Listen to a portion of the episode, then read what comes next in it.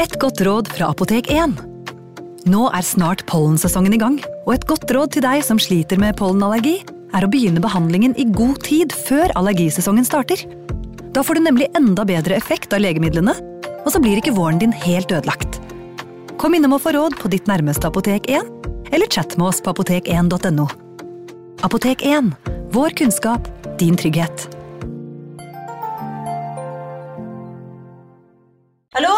Jeg kommer fra Oslo politikammer.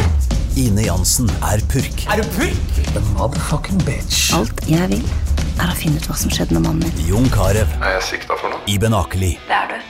Ole So, Lars Berrum og Big Daddy Karsten. Hvem sin side er du på, egentlig? Anette Hoff, Tone Danielsen, Kommer du fra Afrika? Jørnis Josef, Nesten kløfta. Trond Espen Seim, Det er synd å si det, men det var feil mann som døde. Purk. Premiere tirsdag på TV2 Play. Hei! Takk for at du lytter til True Crime Podden dokumentar. Skulle du ønske at du kunne høre en ny episode av denne podkasten hver eneste uke?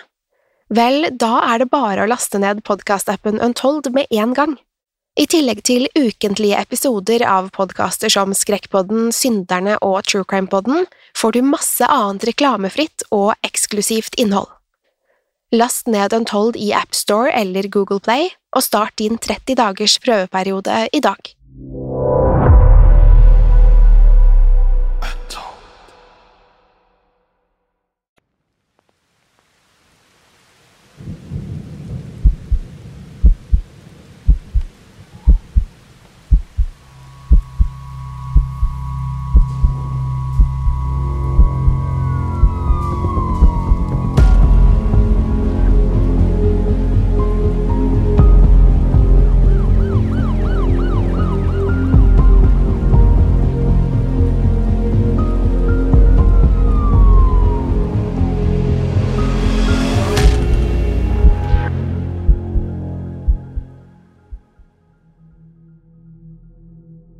Regnet pisket mot vinduene på flyet idet det nærmet seg Midway lufthavn i Chicago.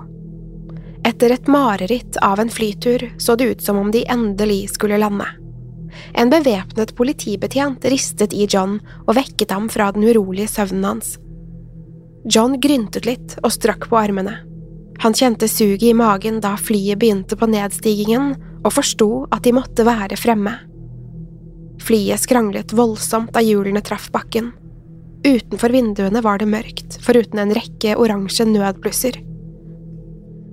De badet flyplassen i et merkelig varmt lys og avslørte et folkehav i enden av rullebanen. Det var tydelig at myndighetene ikke tok noen sjanser denne gangen. John Dillinger skulle fengsles, koste hva det koste ville. Det var ikke før dørene ble åpnet at John forsto hvem alle de fremmøtte var. I fremste rekke sto det over 30 tungt bevæpnede politibetjenter. Bak dem myldret det av journalister og fotografer som alle ville ha et blinkskudd av den beryktede bankraneren. Det som likevel overrasket John mest, var alle de sivile tilskuerne. Han ble tatt imot med jubel og spetakkel da han gikk ned flytrappene. Idet John ble ført inn i en ventende bil og de kjørte av gårde, ble mengden delt. På hver side sto det beundrere og vinket til ham mens han passerte. Først var ikke John sikker på hvordan han skulle reagere. Dette var slett ikke det han hadde forventet seg. Like før bilen forsvant nedover veien, løftet John hendene og vinket til folkemengden. Det var ikke lenger noen tvil. Amerikas samfunnsfiende nummer én, John Dillinger, var blitt kjendis. Etter å ha ranet butikkeieren Frank Morgan ble 21 år gamle John Dillinger sendt til Indiana Reformatory for å sone 10 til 20 år. John hadde gitt et løfte til fengselsbestyreren. Han kom til å bli den farligste kriminelle Amerika noensinne hadde sett så snart han kom ut. Det løftet hadde John tenkt til å holde. Etter en rekke rømningsforsøk ble han nektet prøveløslatelse og i stedet sendt til høysikkerhetsfengselet Indiana State Prison. John var likevel ikke alene. I fengselet hadde han kamerater som alle hadde det samme målet – å komme seg ut og bli USAs mest beryktede bankranere. Sammen med kameratene Harry Pierpont, Russell Clark, Red Hamilton og Homer Van Meter planla John hvordan de skulle komme seg ut av fengselet. Planen var klar allerede i 1929, men skulle ikke settes ut i livet før 1933. Før den tid hadde gjengen andre ting å tenke på, for når de først var ute, hvordan skulle de gå frem for å bli Amerikas mest notoriske kriminelle? Løsningen kom i form av en annen innsatt i Indiana State Prison som het Walter Dietrich. Han hadde tidligere vært medlem av en annen bande, ledet av tysk-amerikaneren Herman Lam. Lam hadde kommet til Amerika i 1914 etter å ha blitt kastet ut av den prøyssiske hæren. I Amerika hadde han straks vendt seg til kriminalitet. Som tidligere soldat var Lam overbevist om at et bankran ikke var så annerledes fra en militæraksjon. Det krevde nøye planlegging og forberedelser. Inntil da hadde bankran i USA vært mer eller mindre improviserte. Lam ville få en slutt på det, og utviklet en teknikk som nærmest garanterte suksess. Derfor satte han sammen en gjeng og fremmet Lam-metoden. Gjengen skulle gjøre seg kjent med banklokalet på forhånd og merke seg alt av utganger, vinduer, ansatte og politistyrker i området. På den måten kunne de forutse enhver uventet situasjon og tilpasse fremgangsmåten etter det. For Lams gjeng betydde det mye mindre risiko, og som regel slapp de å ty til vold. Herman Lam skulle til slutt bli drept i et sammenstøt med politiet, og de gjenlevende medlemmene av gjengen ble sendt til Indiana State Prison på livstid. Blant dem var Walter Dietrich. Han lovet å lære John og gjengen hans alt han kunne, mot at de inkluderte ham i alle fremtidige rømningsforsøk. John godtok tilbudet, og snart ble Dietrich mentoren deres. Det var ikke lenger tvil om at de lærte av den beste. Nå gjaldt det bare å komme seg ut av fengselet, så de kunne sette i gang og arbeide. Problemet var bare at mange i Johns gjeng satt inne på livstid og ville aldri bli løslatt. Derfor trengte de en mann på utsiden som kunne bryte dem ut. John ville bli den første til å prøveløslates. Dermed ble hans jobb å hjelpe de andre å rømme. Mens de satt inne, samlet de all informasjonen de kunne om allierte, gode gjemmesteder og potensielle mål for senere ran. Alt dette kunne John få bruk for så snart han var på utsiden. Nå var det bare å vente på at han skulle prøveløslates. Så endelig, 10. mai 1933, fikk John Dillinger innvilget prøveløslatelse. For første gang på ni og et halvt år var han fri til å gjøre som han ville. John gikk ut portene til Indiana State Prison den dagen og tok et dypt åndedrag. Man skulle kanskje tro at han ville nyte friheten en stund, men John hadde en jobb å gjøre. Derfor gikk han straks i gang med arbeidet. Verden utenfor murene var en ganske annen enn den John hadde forlatt i 1924. Børskrakket i 1929 hadde satt samfunnet på hodet og ledet til den store depresjonen. Amerika var hardt rammet, og arbeidsløsheten var enorm. På gatehjørnene sto det folk med store skilt rundt halsen og tilbød sin kompetanse. Familier sultet, og mange reiste langt for å finne arbeid. Den voksende økonomiske usikkerheten gjorde at stadig flere vendte seg til kriminalitet for å overleve. Tiltroen til systemet, og spesielt banker, var rekordlav. Mange mente at de var skurker som stjal folks sparepenger for å redde sitt eget skinn. På mange måter var ikke kritikken helt ufortjent. Et land i frykt og usikkerhet var gode nyheter for John og gjengen hans. Over hele USA ble bankranere og rebeller beundret. De ble ansett som representanter fra folket, som gjorde opprør mot et pengegriskt og korrupt samfunn. Kriminelle som Bonnie og Clyde og Pretty Boy Floyd var folkets nye idoler. De fikk store avisoppslag og ble hyllet for aksjonene sine. Mange fikk nærmest en slags kjendisstatus. John leste avisartiklene og så for seg at også han kunne bli berømt og elsket. Det fristet ikke å finne ærlig og redelig arbeid. Dessuten hadde han lovet gjengen sin å bryte dem ut av fengsel ved første anledning. Dermed reiste han hjem til Mooresville og brukte landsbyen som base. Han slo seg sammen med venner av Harry Pierpont og Homer Van Meter og ranet butikker og supermarkeder i nærheten. Som forventet begynte lokalavisene å skrive om ham med det samme. I artiklene fikk John kallenavnet Jack Rabbit fordi han alltid hoppet grasiøst opp på disken under ranene. Deretter pekte han en pistol mot de ansatte og forlangte at de tømte kassen. Det var likevel ikke kun for berømmelsen at han begikk disse ranene. En andel av pengene fra hvert ran gikk til å handle våpen og bestikke embetsmenn. På den måten kunne han hjelpe gjengen sin å bryte seg ut av fengselet. Kun en drøy måned etter at John ble prøveløslatt, skulle han begå sitt aller første bankran. 21. juni 1933 tok han seg inn i Carlisle National Bank i Ohio. Sammen med en liten gruppe kamerater benyttet John seg av Lam-metoden og stakk av med omtrent 10 000 dollar, nærmere to millioner kroner i dagens valuta. I løpet av juli ranet John to banker i Indiana, hvor han fikk med seg oppimot 11 000 dollar.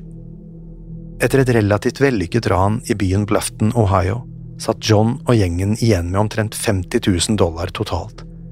Det var mer enn nok til å kjøpe våpen og smugle dem inn Indiana State Prison. John sendte våpnene av gårde i pappesker med sytråd som var ment til systua i fengselet. De aller fleste i gjengen hans jobbet der, og ville få pistolene rett i fanget. Han markerte eskene med store røde ekser, slik at de skulle forstå hvilke som var ment for dem. Dermed hadde han gjort sitt. Nå var det bare å vente på at resten av gjengen skulle bryte seg ut. Imens fortsatte avisen å skrive om John og bankranene hans. Han ble snart beryktet i området, og politiet i hele delstaten var på jakt etter ham.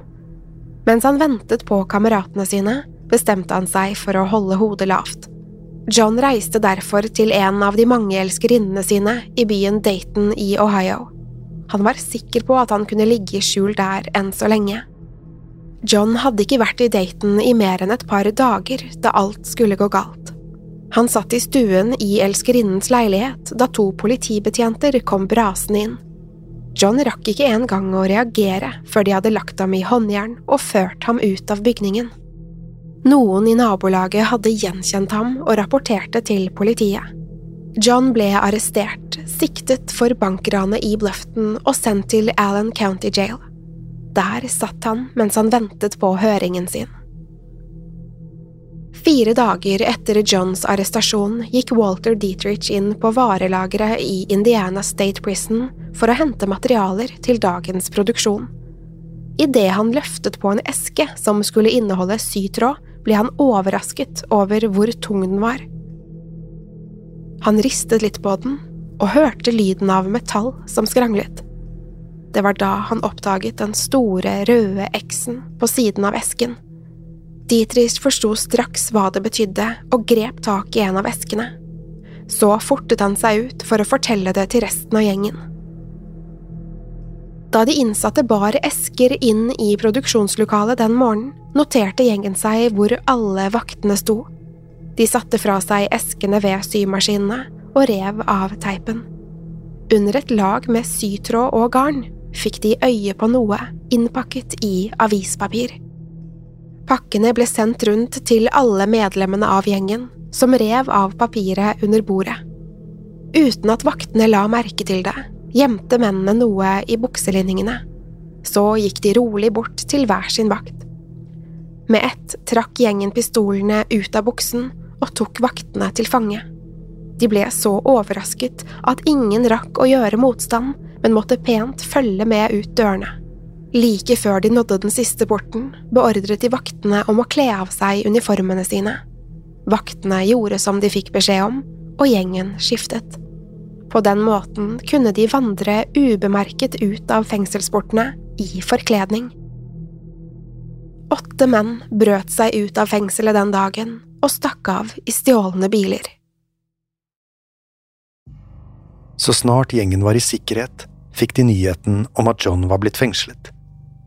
En gruppe på tre reiste til byen Lima for å bryte ham ut. Harry Pierpont, Russell Clark og Charles Mackley ankom fengselet den 12. oktober 1933. Uniformene som ble stjålet da de brøt seg ut av Indiana State Prison, kom godt med. Alle ikledde seg uniform, og planen var å påstå at de var utsendinger fra Indiana som skulle hente John. Den eneste som var på jobb den dagen, var byens sheriff, Jess Sarber. Da det banket på døren, reiste han seg rolig og åpnet for de tre mennene. De oppga falske navn og forklarte hvem de var, og Sarber slapp dem inn. Vel inne ville sheriffen vite hvorfor John skulle tilbake til Indiana, og de tre nølte. De hadde ikke tenkt så langt som å finne på en forklaring. Sarber ble straks mistenksom og ba om å få se offisielle papirer og identifikasjon. Clark og Mackley så på hverandre og vurderte å stikke av, men Pierpont var ikke like lettskremt. Han smilte kjekt til sheriffen og famlet etter noe på innerlommen. Da hånden hans kom til syne igjen, grep den rundt en pistol. Pierpont vendte den mot Sarber og trykket på avtrekkeren. Sheriffen hadde ikke engang rukket å reagere før han lå død på gulvet. Mennene var raske med å finne frem nøklene til Johns celle og bryte ham ut. For første gang var hele gjengen frie på samme tid. The Dillinger Gang var fulltallige, og de hadde en jobb å gjøre. Etter flukten ble gjengen beryktet over hele området. Johns ansikt ble slått opp stort i alle aviser, og myndighetene ba folk være årvåkne. Befolkningen var politiets viktigste allierte, og de trengte hjelp om de skulle få tak i den notoriske gjengen. Det myndighetene ikke hadde regnet med, var hvor populære John og banden hadde blitt. For mange var ikke John den skurken politiet påsto at han var. Johns sjarm og kjekke fremtoning var ulikt noen andre kriminelle de hadde hørt om. The Dillinger Gang gikk straks i gang med planene sine, og de skulle være enormt vellykkede. I løpet av de tre siste månedene av 1933 stakk de av med svimlende 114 800 dollar. 20 millioner kroner omregnet til dagens valuta. I november 1933 skulle John møte sitt livs kjærlighet.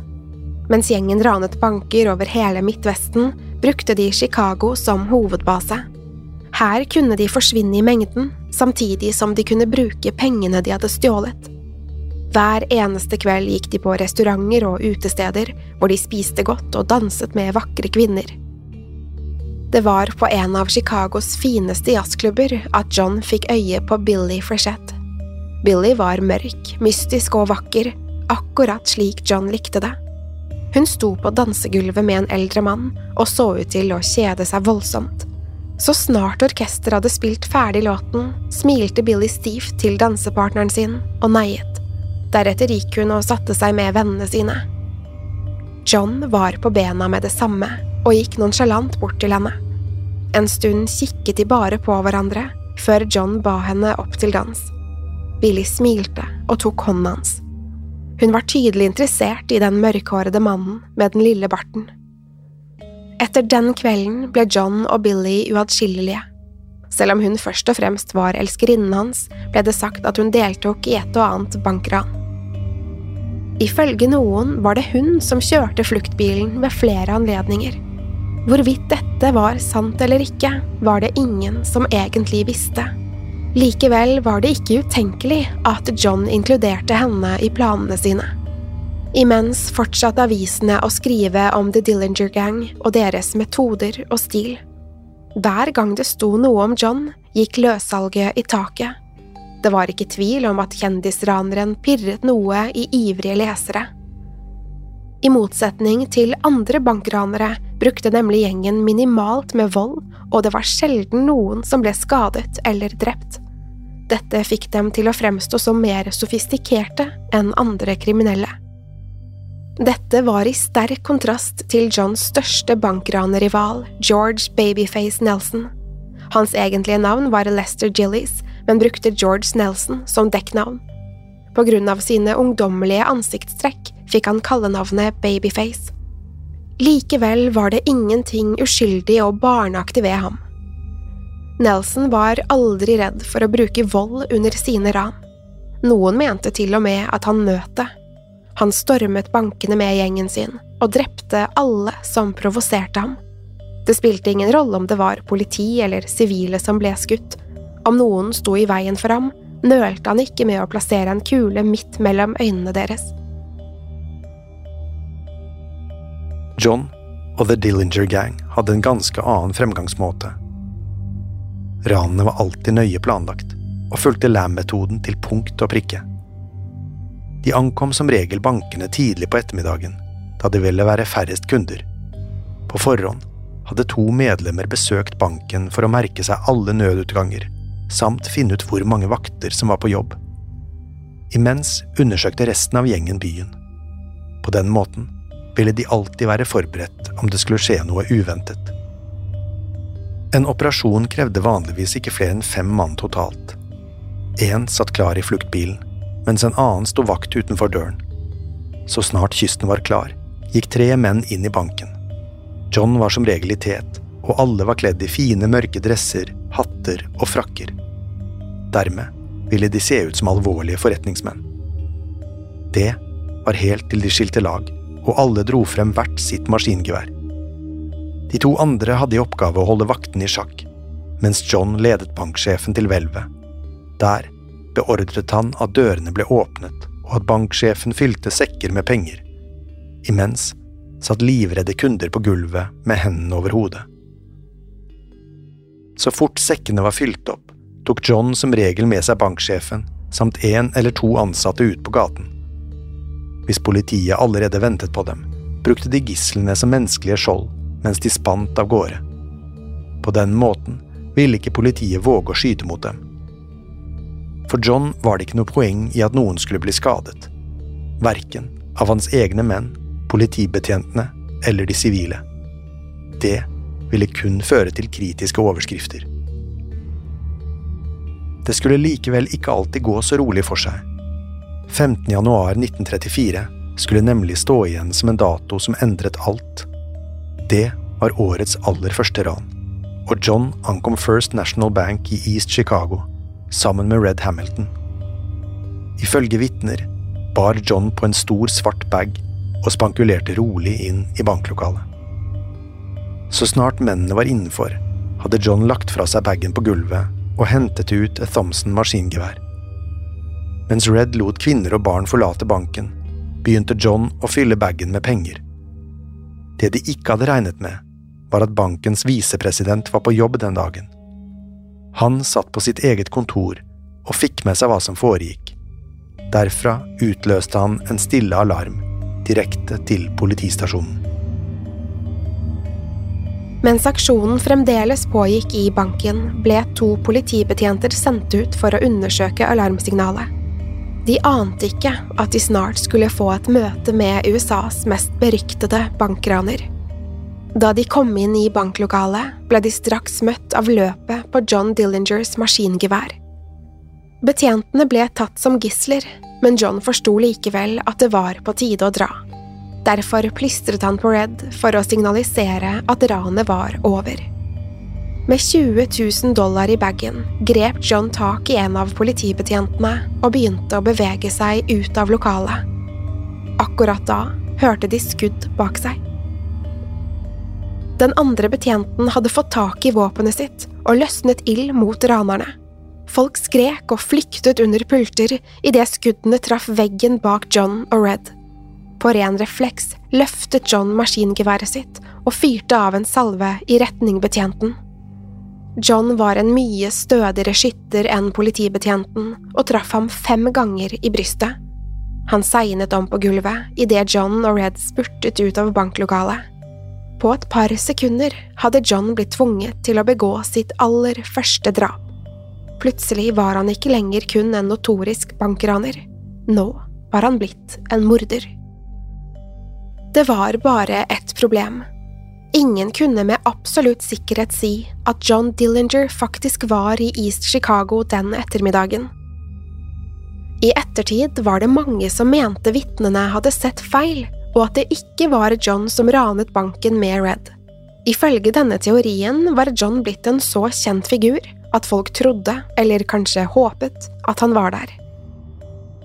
Mange påsto at John ferierte i Florida med Billy og ikke var i nærheten av East Chicago.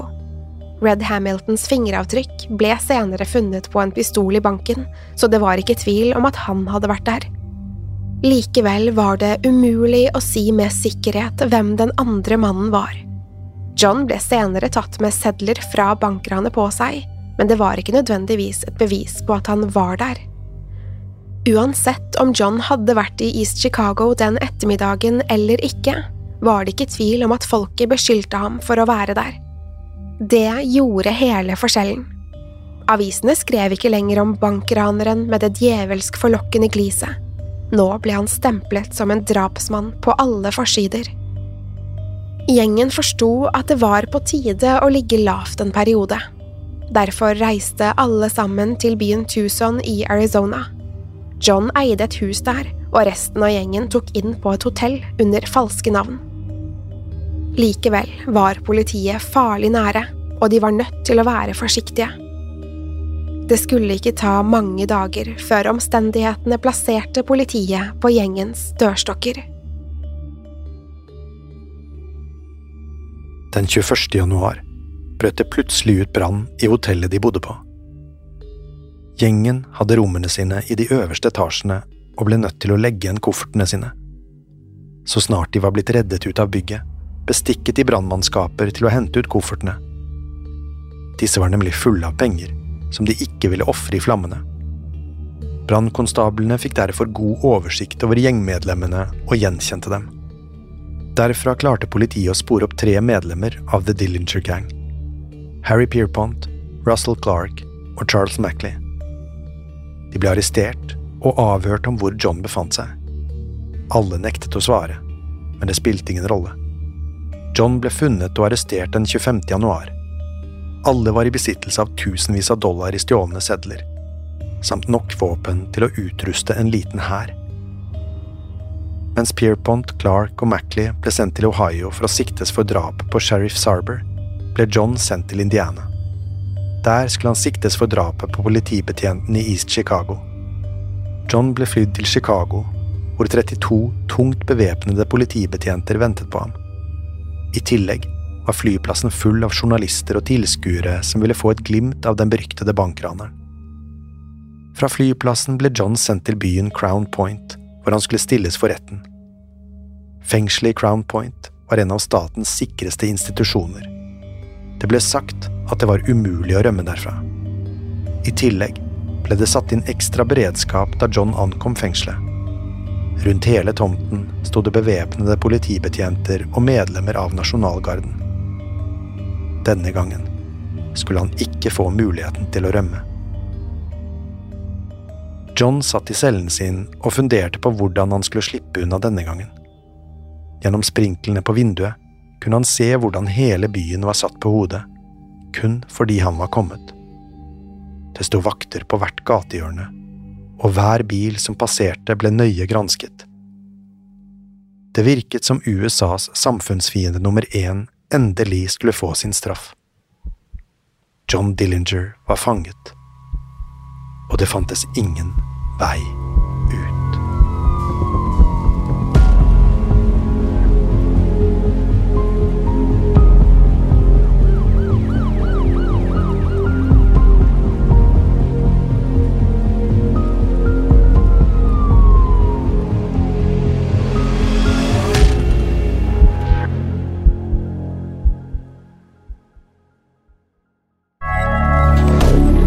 media.